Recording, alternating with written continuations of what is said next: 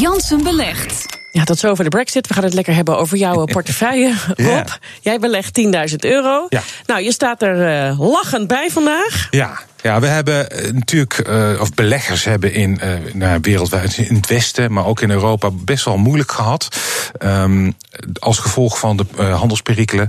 Ehm, Daardoor stond ik op een gegeven moment, dus stond de portefeuille echt op een half procentje of zo. Maar ik heb het net even eh, herberekend. Mijn aandelen zijn 2,5 procent in de plus. Kijk, Kijk. dat is een lekkere stijging. Dat is inderdaad een lekkere stijging. Je Wat ziet- heeft het veroorzaakt?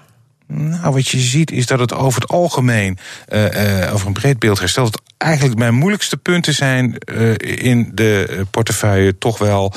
Eh er zijn er nu nog maar twee. Dat is toch ABN AMRO en NN Group, de verzekeraar. Die financiële aandelen, ik had gedacht dat de rente wel wat meer eh, zou stijgen... en dat dat positief zou uitpakken voor deze eh, partijen. Dat is niet gebeurd, maar de verliezen lopen wel wat terug. En AB InBev, de grootste brouwer ter wereld, heeft het heel slecht gedaan, maar die staat nu eh, weliswaar sinds de aanschaf eh, 1,4 procent in de plus. Maar toch een plus, dat ging op een gegeven moment heel hard naar beneden. Ja. En eh, dat is dus mooi teruggekomen. Dat telt allemaal bij elkaar op natuurlijk. Ja, en Dus- de olie nog steeds, Shell is, eh Shell is King staat weer gewoon 20,3 procent in de plus. Echt waar? Ja, door de olieprijzen. Ja. Door de olieprijs, ja, loopt ook weer Maar lekker zo op. hoog. Het was vorige Ja. week nog 12, nu alweer 20. Ja. Eh, het schijnt dat. eh, eh, ik wil het hebben over fintech-bedrijven, Ja. namelijk. Ik wil weten of dat interessant is voor jou. Want het schijnt dat buitenlandse investeerders eh, in de rij staan voor eh, Ja. dat soort eh, bedrijven, specifiek Ja. Nederlandse fintech-bedrijven. Ja. Vind jij dat ook een belangrijke categorie? Uh, ook al het uh, Adyen-effect genoemd, want die zijn heel succesvol hier naar de beurs gegaan. Meteen op dag 1 zo'n beetje in waarde verdubbeld. Ben jij niet ingestapt? Nee, de mensen die daarvan hebben geprofiteerd zijn de mensen die er al in zaten en die hun aandelen oké. naar de beurs hebben gebracht. En uh, ja, als jij, uh, het zou geloof ik voor rond de 240 euro uit het hoofd naar de, naar de beurs gaan. Nou, bij de openingskoers was het al uh, rond de 300 en Ja. sloot boven de 400. En als particulier mag je pas later instappen, hè? Ja, je was een particulier, moet je maar net zo laag mogelijk kunnen inleggen. Maar het was een gekkenhuis. En, dat is, en het is ook moeilijk, vind ik, voor dat soort bedrijven in te schatten. wat is nou de waarde van zo'n bedrijf? Ja. Het- het- Maar goed, uh, heel veel buitenlandse investeerders dus geïnteresseerd voor die fintech-bedrijven. Ja. Die doen het dus goed in Nederlandse Ja. uh, bedrijven.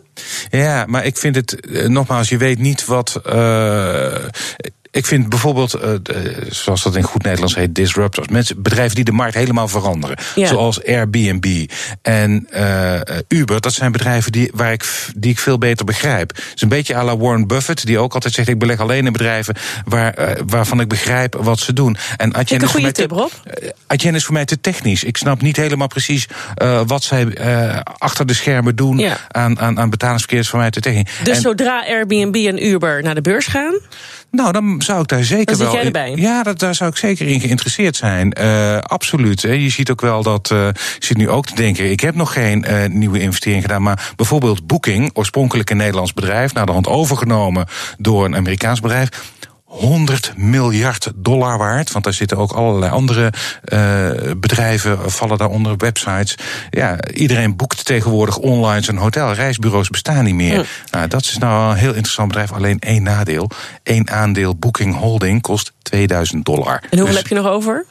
het zou wel kunnen, maar ik vind dat een te grote deel uh, uh, van, Van je portefeuille. ja, van de portefeuille. Ja. En, eh, geen nieuwe belegging gedaan dan? Nog niet, week? maar volgende week denk ik wel. Want het ziet er weer iets beter uit.